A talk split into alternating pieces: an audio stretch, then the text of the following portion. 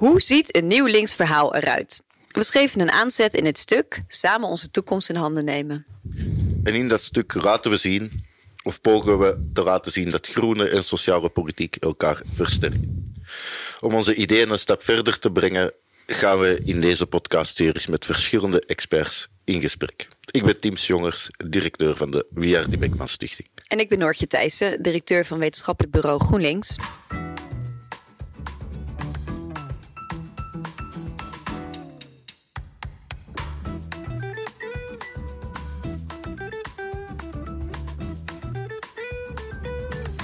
Alle gasten die in deze podcastserie bij ons aan tafel zitten, hebben allemaal een uitnodiging gekregen om hier aan deel te nemen, nog voordat het kabinet viel. Dus de context is soms een beetje anders uh, dan de huidige situatie.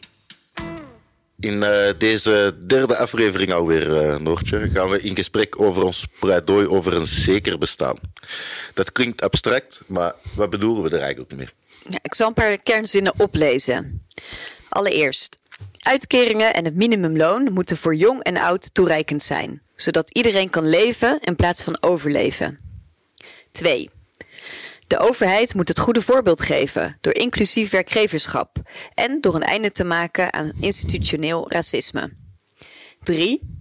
We herwaarderen de publieke sector en de professionals die daarin werken.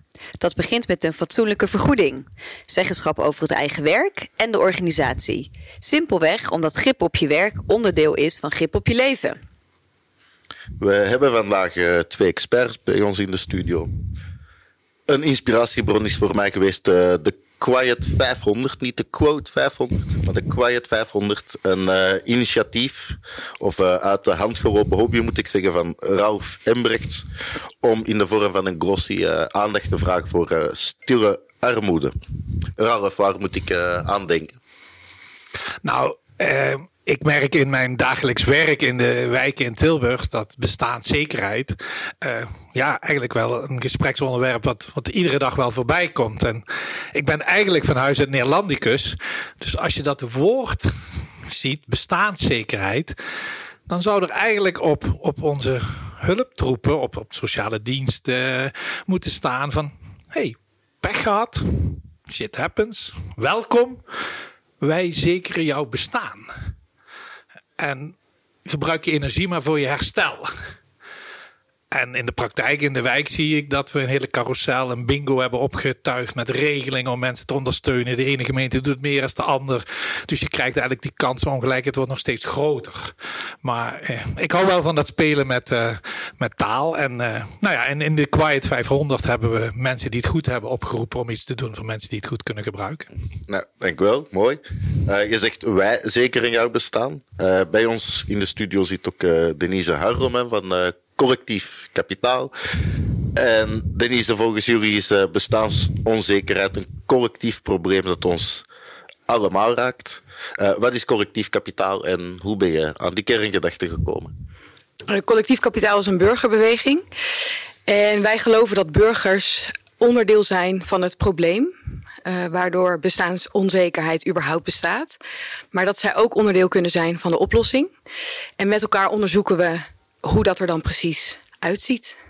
En hoe ziet dat er momenteel, uh, heel kort, hoe ziet dat er dan uit? Nou, het is, het is interessant dat je, als we zeggen dat we zijn voor systeemverandering, dan is eigenlijk het enige systeem waar mensen aan denken het systeem in Den Haag.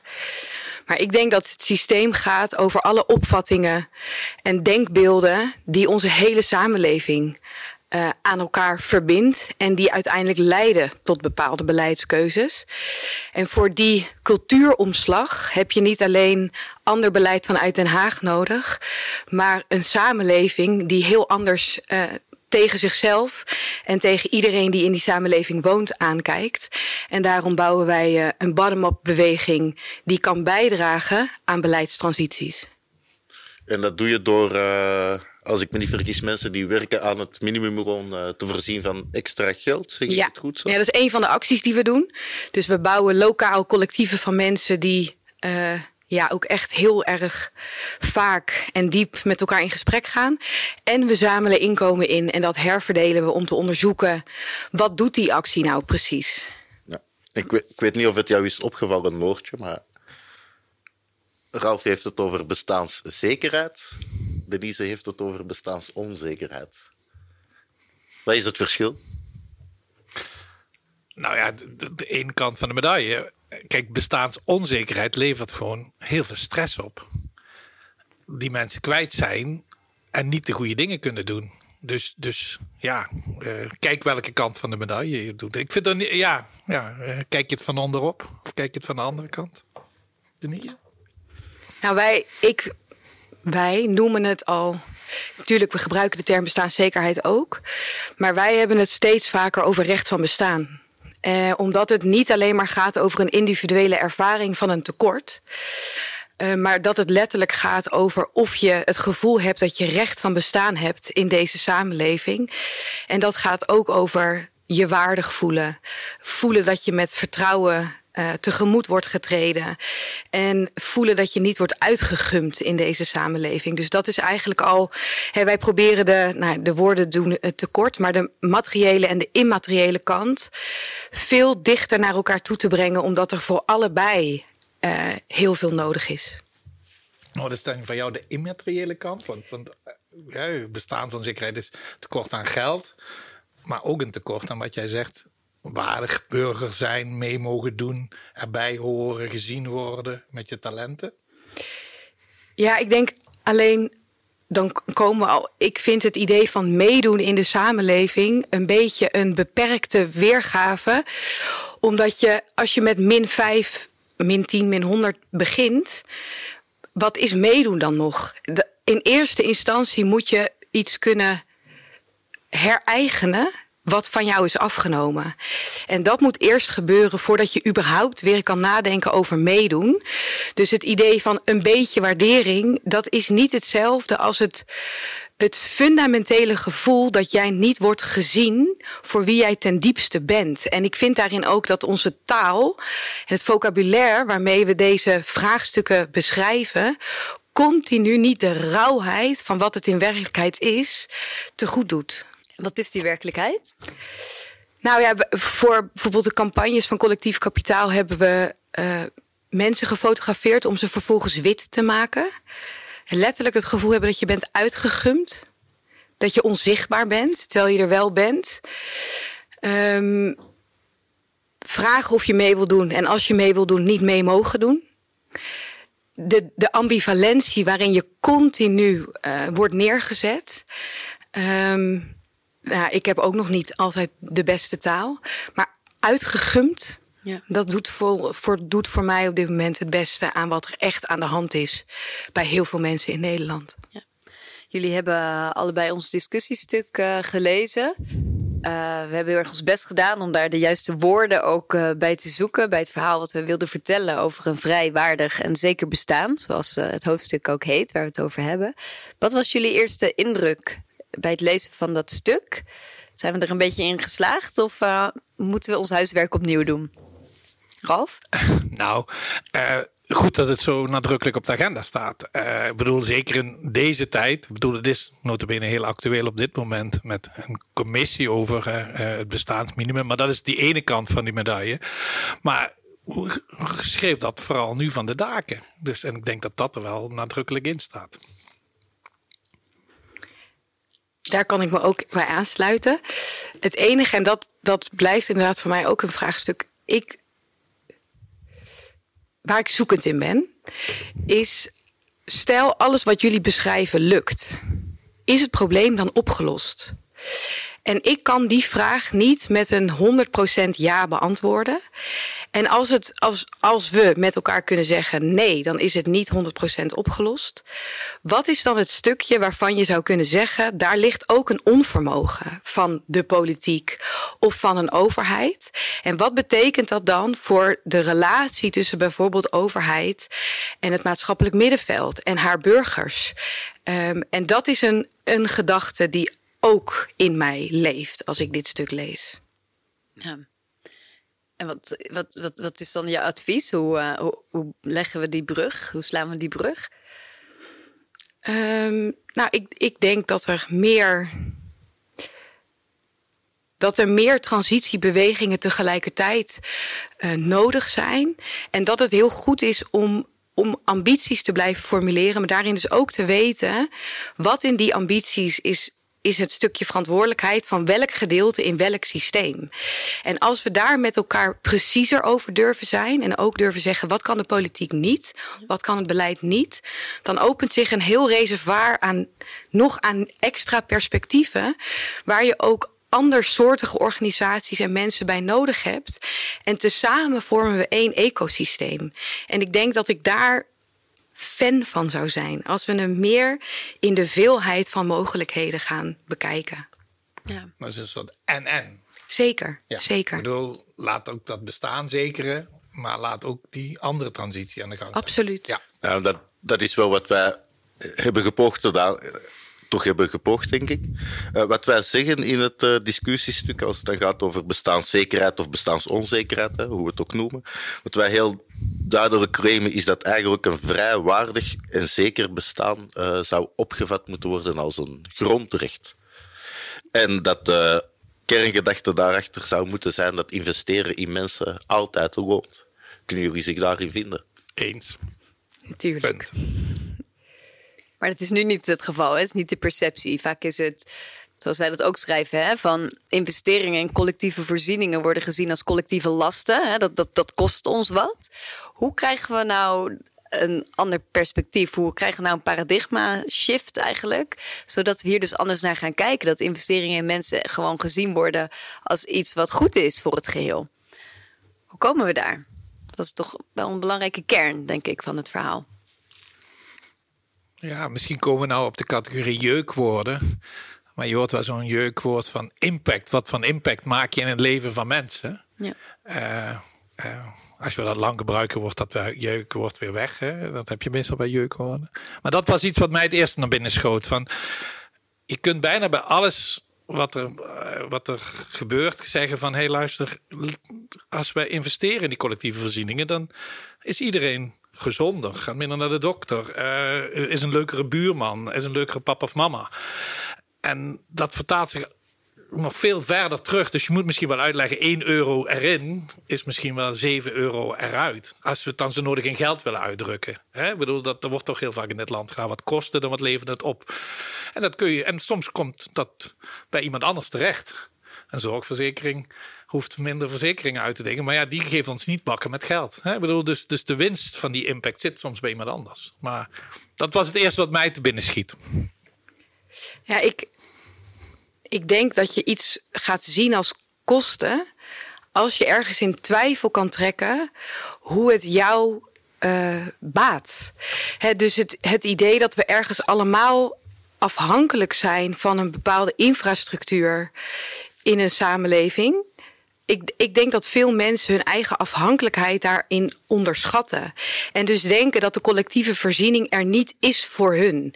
En dan kan het een kostenpost worden. Dus ergens heb je een verhaal nodig, ook weer over het het samen. Het, wat is het wij in deze samenleving? En wat heeft die wij nodig om met z'n allen een een, een bestaanszekerheid te kunnen te voelen. Dat doe je dus niet voor de ander.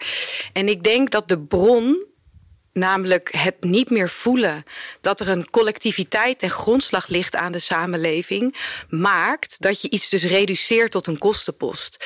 Dus ik denk dat het over de bron gaat, terug naar de bron.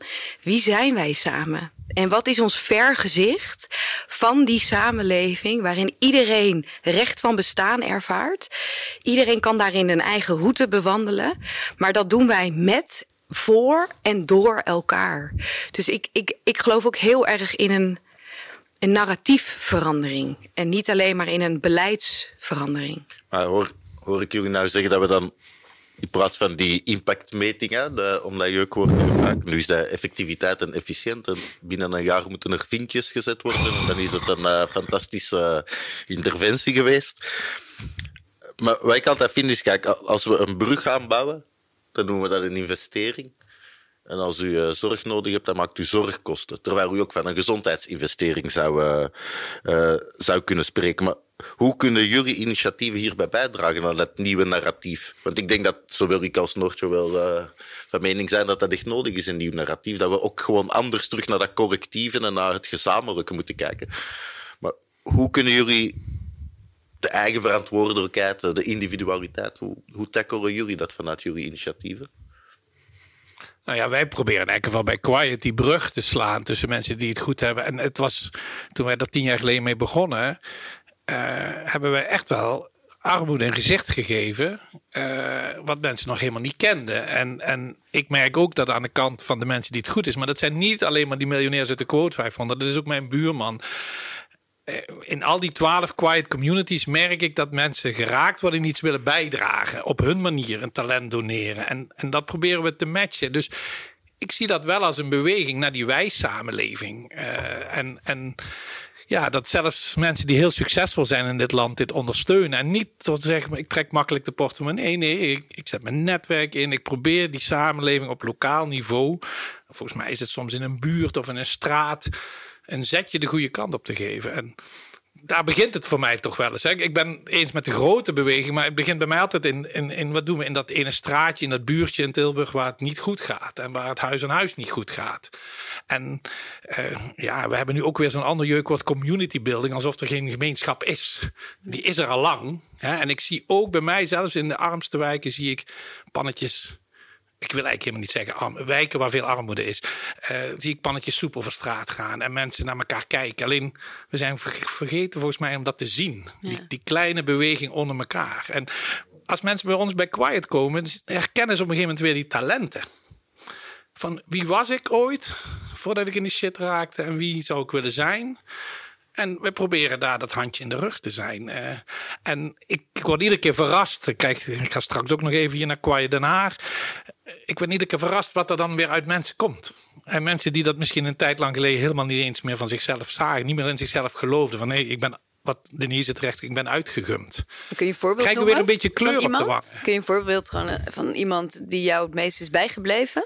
ik ben een beelddenker, dus ik heb heel veel van die beelden in mijn hoofd. Maar uh, uh, er was een, een, een, dame die slachtoffer was van de toeslagenaffaire. Nou, ik wil niet haar hele levensverhaal noemen, maar dat was pech op pech op pech op pech. En dan nog een keer toeslagenaffaire eroverheen.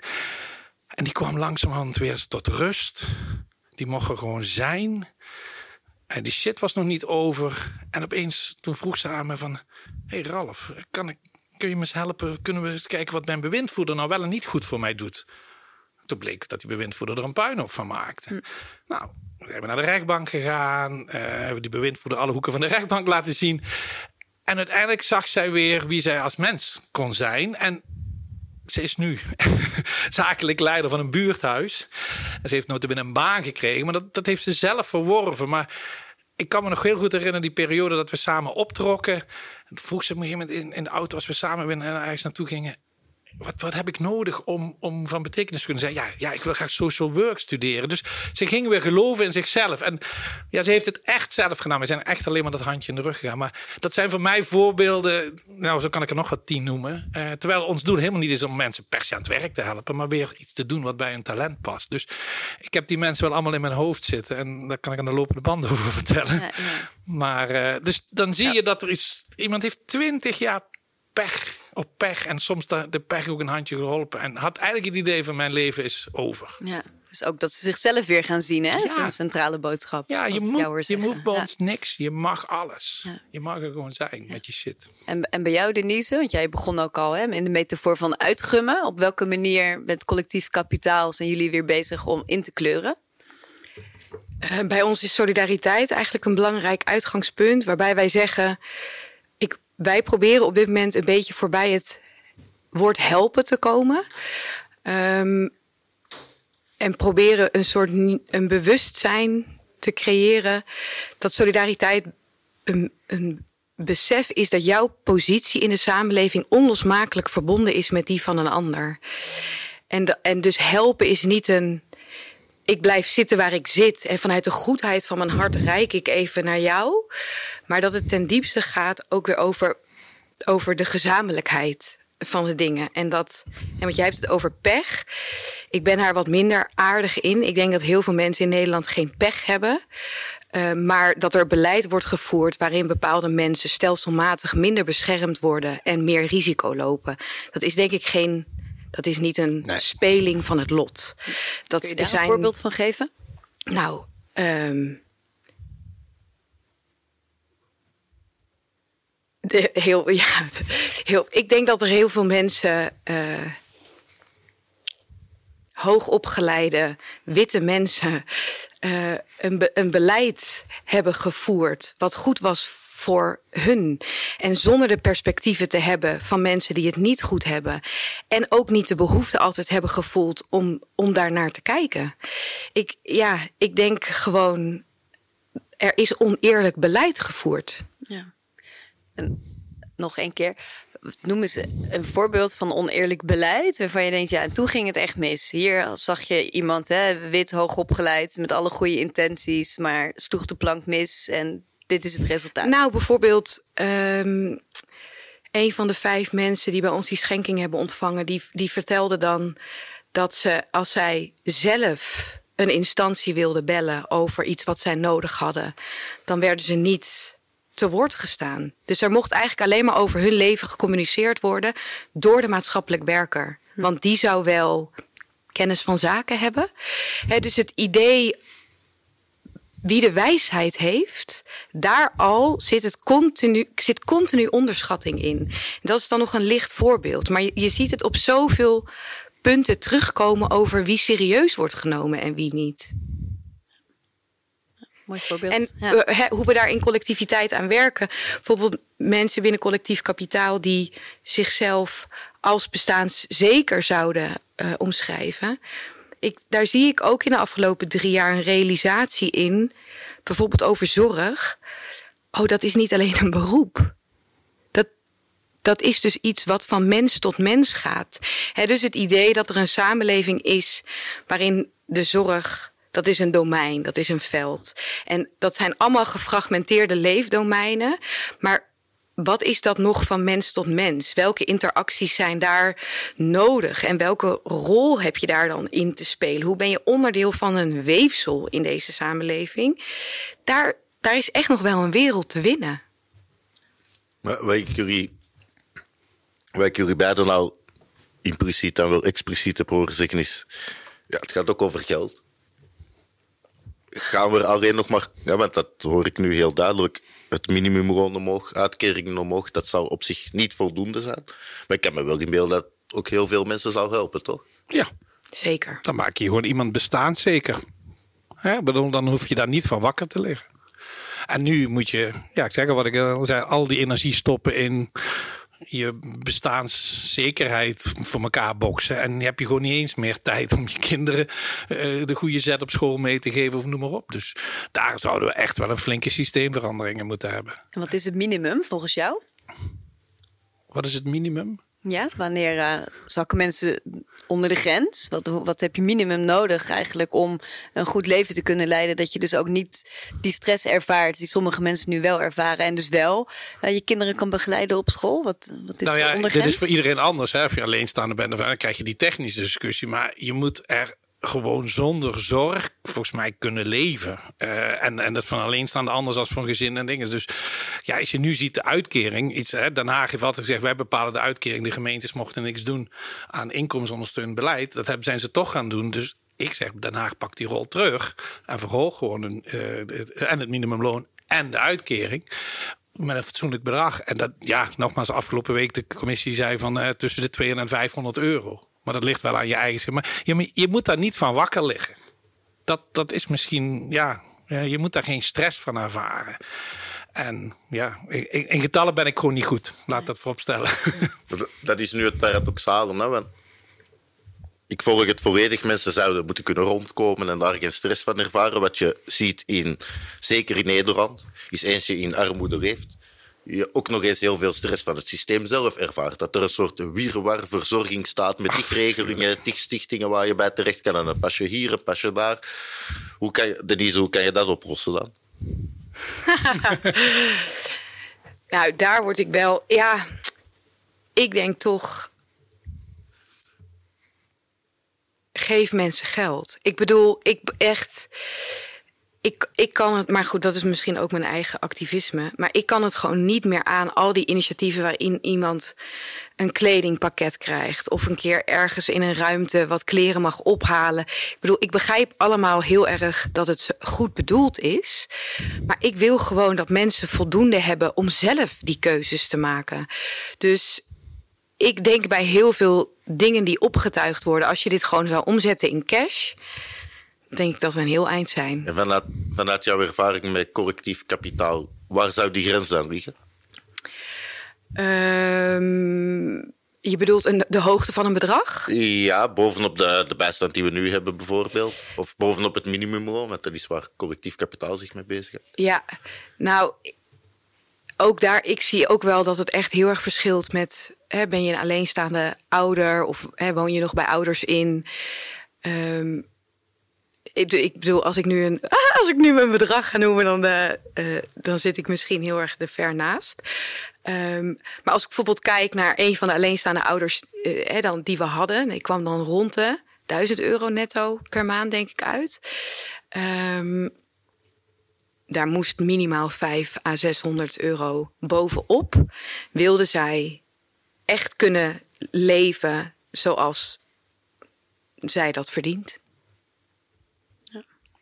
Wat je terecht zegt, het is heel druk in armoedeland. Hè? Ik ben het helemaal met je eens. Hè? Van, ik heb daar ook heel lang over nagedacht toen ik Quiet opricht. Alleen in al die andere initiatieven moet je bijna overal laten zien dat je arm bent.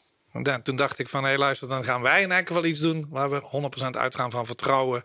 En dat dat niet meer hoeft. Maar ik zou het liefst willen dat die hele drukte, daar het, pakketje dit, daar. Kijk, klinkt heel gek ja, ik zou ik niet willen. Ik zou willen dat er geen voedselbanken zijn. Maar blij dat ze er toch nog zijn. Omdat als je niks in je buik hebt, dan werkt het hierboven helemaal niet. Maar we gaan voedsel uit een supermarkt halen. Gaan we op een ander moment met alleen maar vrijwilligers. Hè, op 172 plekken in Nederland gaan we uitdelen.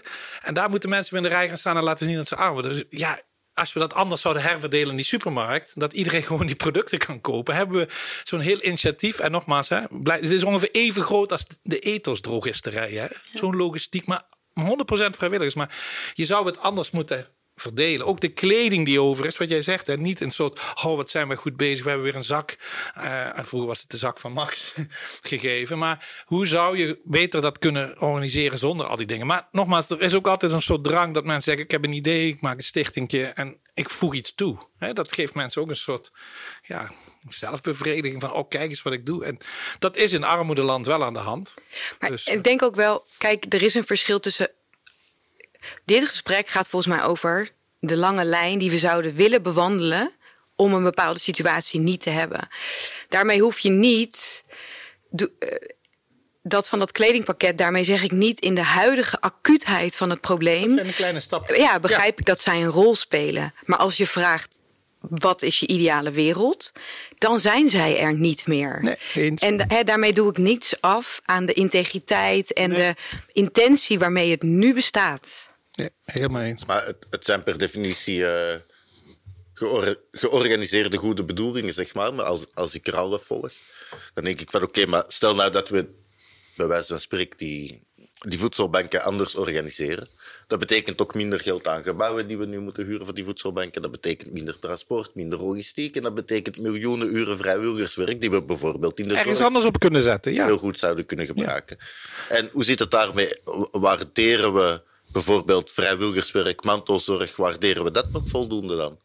Of moeten we daar ook net... Want ik kan me best inbeelden dat heel veel mensen die bestaansonzeker zijn, echt nog wel iets doen voor een ander. Nou, dat zie ik. Het beeld is heel vaak dat mensen op de bank zitten te niks en Netflix zitten uitkijken. Dat herken ik in mijn wijken niet. Sterker nog, ik zie heel veel mensen, niet alleen bij Quiet, maar ook bij al deze initiatieven, gewoon vrijwilligerswerk doen, omdat ze van betekenis willen zijn. Van, hè, ik, ik, ik, ik heb de klappen van het leven gehad ik wil iets doen. En, en dus dat vrijwilligerswerk is soms gewoon verkapt.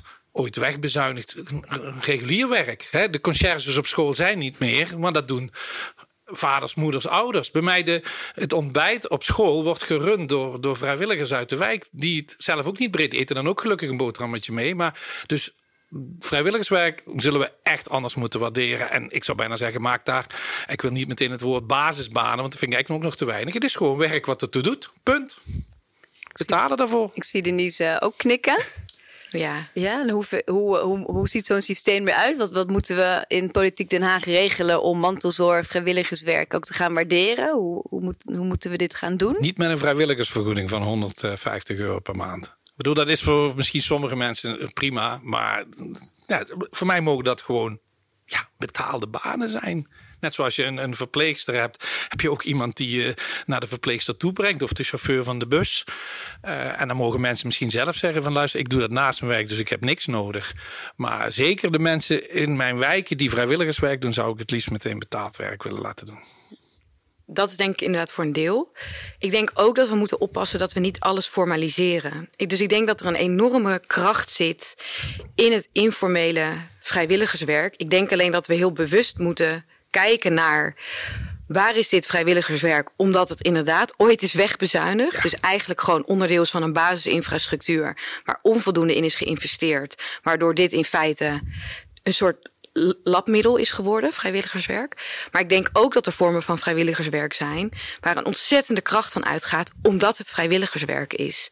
En, en voor, voor die tak van vrijwilligerswerk denk ik dat het vooral goed is dat we ook gaan kijken naar de, de, de druk vanuit wel nu betaalde banen waardoor, je, eh, waardoor er juist voor die, voor die informele kant, hoe je ook betekenis uh, wil uh, bijdragen aan de samenleving, eigenlijk gewoon bij heel veel mensen de energie niet meer is. Dus ik denk dat het daarin ook en-en is. Ja. En volgens mij kun je ook veel besparen door eerst eens beginnen met het hele ambtenarenapparaat wat bezig is met die 23 verschillende regelingen. Laat die mensen weer doen waar ze goed in zijn. Waar zijn ze goed in? Ja, mensen weer te helpen in hun herstel. Maar als nou ambtenaren in Tilburg mensen moeten helpen met het invullen van die 23 verschillende formuliertjes, is het toch gewoon, gewoon dat, vinden ze zelf ook niet leuk. Nee. En bedoel, ik wil mijn oud-collega's niet afvallen, maar die, die zijn veel beter om mensen de weg te wijzen, te gidsen, dat handje in de rug te zijn van op weg naar van betekenis zijn in deze samenleving. Dus en ja, daar, daar kunnen we zoveel op besparen. Dus ik, daarna doen we ook nog wel alle armoedestichtingen. we hebben veel te doen, hè, hier. Nou, ja. ja. Dan uh, een ander onderwerp uh, gaat over de bijstand. Wij schrijven in ons discussiestuk dat we van wielklem naar trampoline moeten. Uh, en we stellen dat chronische ziekte geen chronische armoede mag zijn, zoals dat eigenlijk nu is geregeld. Hebben jullie daar bepaalde suggesties voor, wat wij kunnen meenemen om ons stuk nog concreter te maken?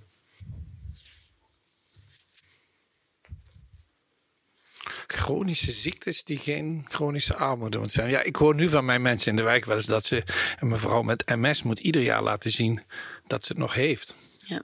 Door de hele malle molen. Terwijl ze niets liever zou willen dat er iets voor MS gevonden wordt.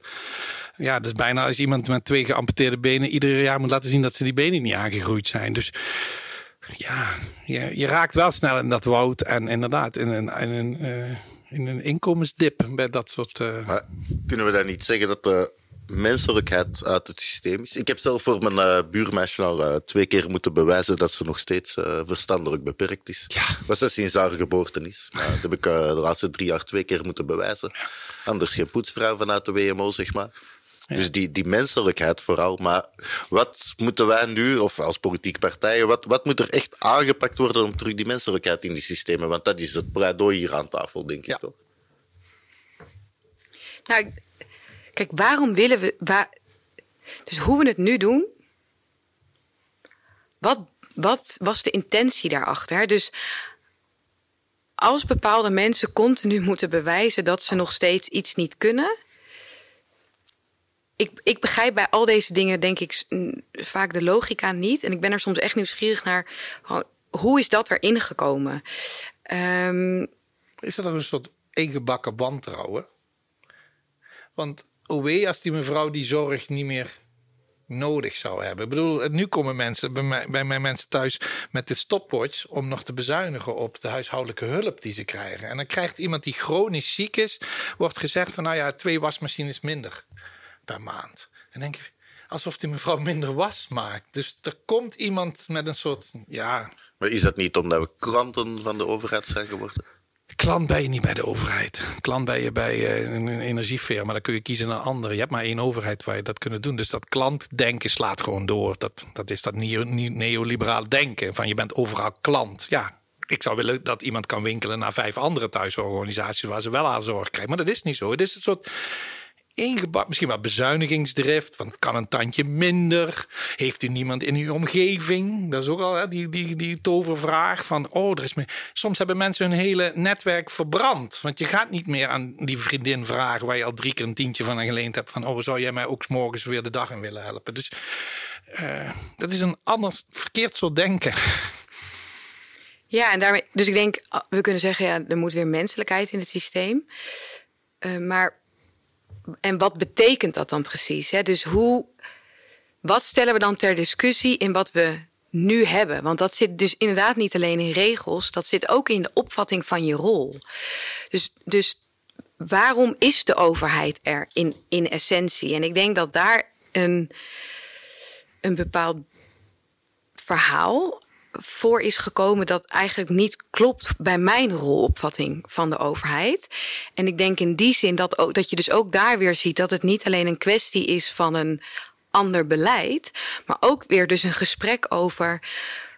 wat is de overheid dan? Waar is die dan voor? En, en hoe moet vervolgens die gedachte vat krijgen uh, in, in hoe mensen hun rol kunnen uitoefenen? Want daar zit natuurlijk ook daar zit ook ruimte voor verbetering. Ja, we houden ook in ons stuk een pleidooi om uh, de publieke sector en de mensen die daarin werken ook weer te gaan herwaarderen. En ook, en ook veel meer weer in staat eigenlijk te stellen om een werk te kunnen doen. Uh, dus ook hè, wat minder met die formulieren bezig zijn en regeltjes, maar echt gewoon kijken wat mensen nodig hebben. Um, ja, dat zijn dan makkelijke woorden om op papier te zetten. Maar hoe, hoe gaan we dat realiseren in de praktijk? Ja, ja, doen wat nodig is. ik ben meestal een soort beschermheer van mensen in mijn wijken, de wijkprofessionals die gewoon dingen doen. En uh, uh, volgens mij heeft Tim het ooit gezegd van uh, je bent langer bezig met te gaan uitzoeken hoe het kan. Je kunt beter excuses achteraf zeggen. Daar ben je korter mee bezig. Dus soms doen we wel eens fouten. Maar ik kreeg vanmorgen in de trein nog een appje van iemand. 4,7% van de mensen in Tilburg die fraudeert. Dat is het cijfer wat vandaag in de gemeenteraad wordt besproken. Dus 95% en nog meer, die vraagt iets wat mensen gewoon hard nodig hebben. Uh, dus ook aan de hulp. Maar ik gaf geen antwoord op je vraag. Maar ik, ik vind dat een interessante, want 4,7% fraudeert. Maar als je kijkt naar de bijstand, 30% durft hem niet aan te vragen. Ja. Dus ja, wat is nou het nut van die fraudebestrijding? Of toch, kijk, en fraude moet aangepakt worden, daar zijn we het allemaal over eens. Maar wat, wat moet nou prioriteit krijgen voor beleid? Dat mensen krijgen waar ze recht op hebben? 95% toch gewoon, alsjeblieft. Ik bedoel, en dan, dan staat er groot in de Telegraaf dat Amsterdam weet ik weer hoeveel mensen aan. Ik ben gaan uitrekenen, geloof ik, hoeveel fraude-rechercheurs en wat die kosten per jaar. Ja, dat was in Rotterdam. Of was Rotterdam? Ja, het stond groot in de Amsterdamse krant. Maar nee, maar dan denk ik, ja, kom op. Dit is, uh, laten we die energie zetten op die 95% van de mensen die, die uh, onze hulp hard nodig hebben. Is de, is de olifant in de Kamer dan Oké, een andere overheid, daar zijn we het over eens. Maar ook terug een grotere overheid? Nou, volgens mij in de aftrap zei jullie ook dat werkgevers die rol kunnen pakken. Ik bedoel, niet alleen maar of die overheid dan groot wordt. Misschien kun je slim veranderen. Dat veranderen van dat controleren en formuliertjes invullen naar daadwerkelijke hulp. Volgens mij wordt de overheid daar niet groter van. Maar ik zou het verder willen zetten dat ook werkgevers kijken van... hé hey, luister, wat, krijg je hier een fatsoenlijke baan? En word ik niet iedere twee jaar, een half jaar aan de kant gezet... omdat de flexwet me in de weg zit, terwijl ik het hartstikke goed doe. Dus, dus kun je ook gewoon werk waarderen uh, uh, wat daarbij hoort. En niet, niet door flex werkloze mensen creëren. Werkende armen hebben het afgelopen jaar over. Volgend gaan we naar 1 miljoen mensen die bungelen rond, dit, rond de armoedegrens. Uh, mensen die gewoon één of twee baantjes hebben. Die, dat vind ik ook zo raar. Daar schaam ik me af en toe eens voor. Dan denk ik, oh, er is een mevrouw die s'morgens tussen 7 en 9 ons kantoor schoonmaakt. En s'avonds tussen 7 en 9. Nou zie ik die gelukkig wel eens. En dan heb ik het gesprek voor. Dan denk ik, oh ja, en dan moet je ook nog je kinderen naar school brengen. Moet je dit en, je krijg je, en de kinderopvang regelen. denk ik, en zij, zij heeft misschien de helft of nog minder dan ik. Ja, dat klopt niet. En ze is waarschijnlijk niet in vaste dienst. In dit geval toevallig wel, maar uh, en gelukkig heeft haar zo'n een diploma gehad, heb ik van de week gehoord. Maar ja, uh, als ze te oud wordt of als ze het niet meer, dan, dan inderdaad wordt ze buiten gejoept. Ja, ik zie de overheid denk ik als een anker. Een anker wat je tijdelijk uit kan gooien en je kan hem, je kan hem ook weer inhalen. En voor sommige mensen blijft dat anker langer uit of voor altijd. Maar er zit voor mij iets. Daar zit iets zachts in, in dat, in dat idee. Um, dus ik vind het eigenlijk veel leuker voor nu om voor mezelf na te denken. Als ik een personage zou moeten maken van de overheid. Wat is dat personage dan?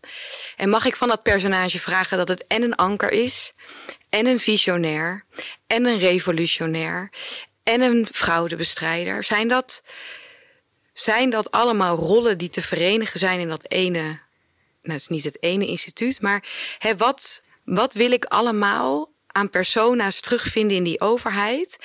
En wat betekent dat dan voor de wijze waarop het georganiseerd zou moeten worden?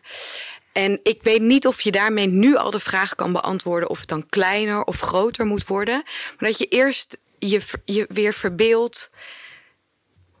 Je, je belt iemand op. Welke zachtheid wil je ontvangen aan de andere kant van de lijn? Wil je een golden retriever? Wil je gewoon je beeld? Ja, maar gewoon als je menselijkheid terug het systeem in wil hebben, dan zul je bij het moment dat je het gaat herontwerpen ook menselijkheid voor ogen moeten hebben. En dat, dat gaat echt over een bepaalde, ook een verbeeldingsvermogen. Wie is het als mens? Als je er een relatie mee moet opbouwen. En wanneer moet het, moet het welk accent hebben? En dan kunnen we gaan kijken, hey, wat moeten we, welke lijntjes moeten we anders? Welk puzzelstukje ontbreekt? En, en kunnen we het gaan herontwerpen? Maar ik denk dat we te, te vaak, te vroeg naar de antwoorden willen.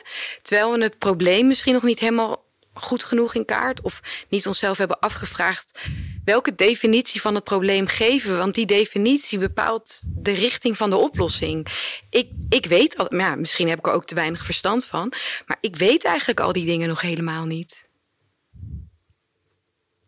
Wij gelukkig wel, Noortje. Oh ja, is dat zo? Jij wel, Tim? Ja. Ik was aan het denken van, ja, ja. golden retriever. Of een, je wil ook geen knuffelbeer. Maar je ziet eigenlijk wat erachter zit. Zijn we niet gewoon te rechtmatig gaan denken? De eerste vraag is, waar hebt u recht op? Zou de eerste vraag niet gewoon moeten zijn... Wat heeft u nodig? Of wie wil u worden? Ja, die. Inderdaad, niet wat wie, wat, wie, wie ben jij? Wie ben je? En, wat, en wat wil jij? Waar droom jij van? We hebben allemaal dromen. En als die overheid dat anker is, dat, dat, dat er elegantie uithaalt en, en waardering om voor mensen dat anker te zijn en te zorgen dat mensen die vraag weer kunnen beantwoorden. Dan ga je toch ook heel veel minder plezier halen uit 5% fraudeurs. Maar heb, heb je dan ook, ook geen overheid nodig die wat meer moreler in de wedstrijd staan. Want Totaal.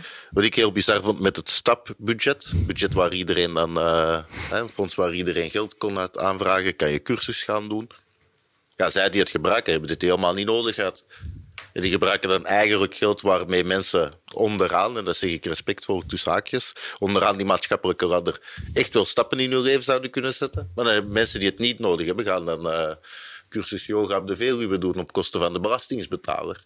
Nou, dan kan je heel moeilijk gaan uitfaseren als overheid, maar zou je daar niet veel moreler in de wedstrijd mogen staan als overheid? Mag een overheid moreel zijn?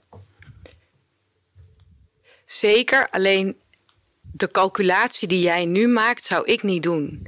Dus ik denk niet dat, dat, je, dat je transitie krijgt door zelf ook te laten zien, die persoon had hier geen recht op eh, en daardoor is die iets tekort gekomen. Ik bedoel, natuurlijk is dat ook aan de hand, maar als je die wij wil formuleren, dan denk ik dat, je, dat we uit het idee van um, mensen tot verliezers en winnaars maken, maar dan andere verliezers en winnaars, maar gewoon als een, als een overheid ervoor is om mensen ook toegang tot zelfontwikkeling te geven.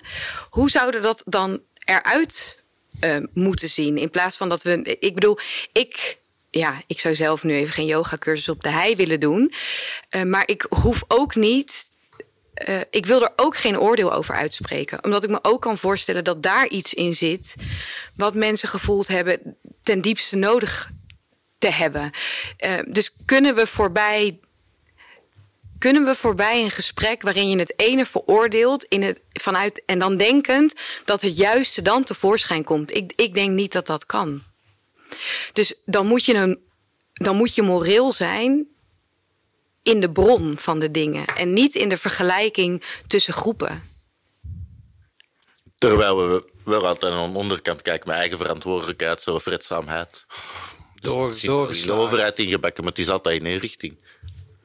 Ja, maar als je nu de andere richting uitgaat, dan reproduceer je dezelfde dynamiek, ben ik bang. Dat is de twijfel die ik heb. Dus dat betekent niet dat de uiting zoals die er nu uitziet, niet. Dat, dat, vind ik, dat vind ik echt verschrikkelijk. Ik denk alleen dat de weg van de transitie een andere houding van ons allemaal vraagt.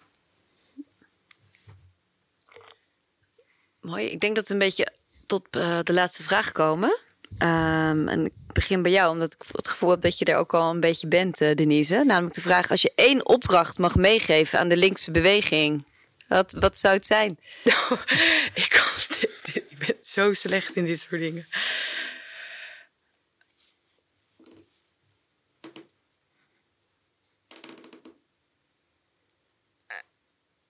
Denk voorbij de politiek.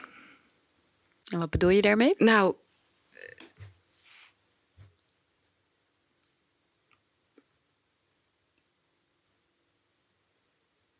zie jezelf gewoon als een klein onderdeel van een veel groter geheel. Um, en wat, wat kan, kan jij daarin doen en wat kan je daarin niet doen? En wat betekent dat voor het linkse verhaal in wie heb je daar dan allemaal nog meer bij nodig? En wat betekent dat hoe je je positioneert in een samenleving? Want jullie, de, de politiek is niet afgesloten van de rest. Dus hoe ga, hoe ga je je manifesteren midden in de samenleving? Niet alleen door je, beleid te verkondigen, maar door te onderzoeken hoe, ben, hoe zijn wij onderdeel van een groter systeem? En wat maakt dat misschien ook anders voor het verhaal dat je vertelt? Als de linkse beweging dat zou doen, wat, wat zou dat tot een verandering leiden? Wat zou je dan anders horen van die linkse clubs? Uh, nou, ik denk dat dat gaat ook over een bereidheid om je macht te delen. Uh, als je durft te denken dat je in je eentje niet in staat bent om dit hele vraagstuk op te lossen, dan betekent het dat je ook niet meer alles te zeggen hebt. En dan kan er bijvoorbeeld ook weer meer een emancipatie komen van een maatschappelijk middenveld. Of een emancipatie over wat het betekent om in deze samenleving burger te zijn. In plaats van dat er voor de bühne inspraak wordt georganiseerd, wat in feite over het algemeen nog geen enkel mandaat heeft. Mooi. En aan jou dezelfde vraag, eh, Ralf. Wat is jouw ene opdracht aan de linkse beweging? Nou ja, Denise vertelt het al heel erg mooi. Het lange vergezicht. Uh, ik ben toch misschien nog wat meer van die korte klap. Uh, want volgens mij is politiek altijd iets van uh, eens per zoveel, twee, drie jaar. En dan strijd ik toch een beetje waar ik mee begon. Begin als met dat zekere van het bestaan, punt. En laat dan dat opgaan als je dat vertrouwen laat doorklinken in, in de mensen aan de andere kant. Uh, en dat je die brug weer slaat, wat Tim toen straks zei. Je bouwt die brug samen. Uh, wat Denise zegt misschien. Hè, je hebt er ook inspraak voor als burger. Je mag daar meedenken. Er wordt ook gewaardeerd. Uh, je bent gewoon gelijkwaardige burger, ja. Nou ja, ik, ik pak toch die korte klap van en nu het bestaan zekere, dan hebben we die klap alvast gedaan. Mooi. Ik wil jullie uh, hartelijk danken.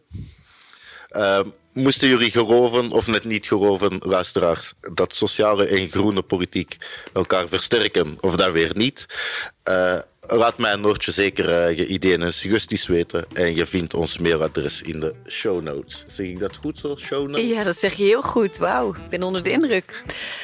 Nou, bedankt Denise en Ralf voor jullie komst en jullie verhaal. Heel inspirerend. Dank jullie wel.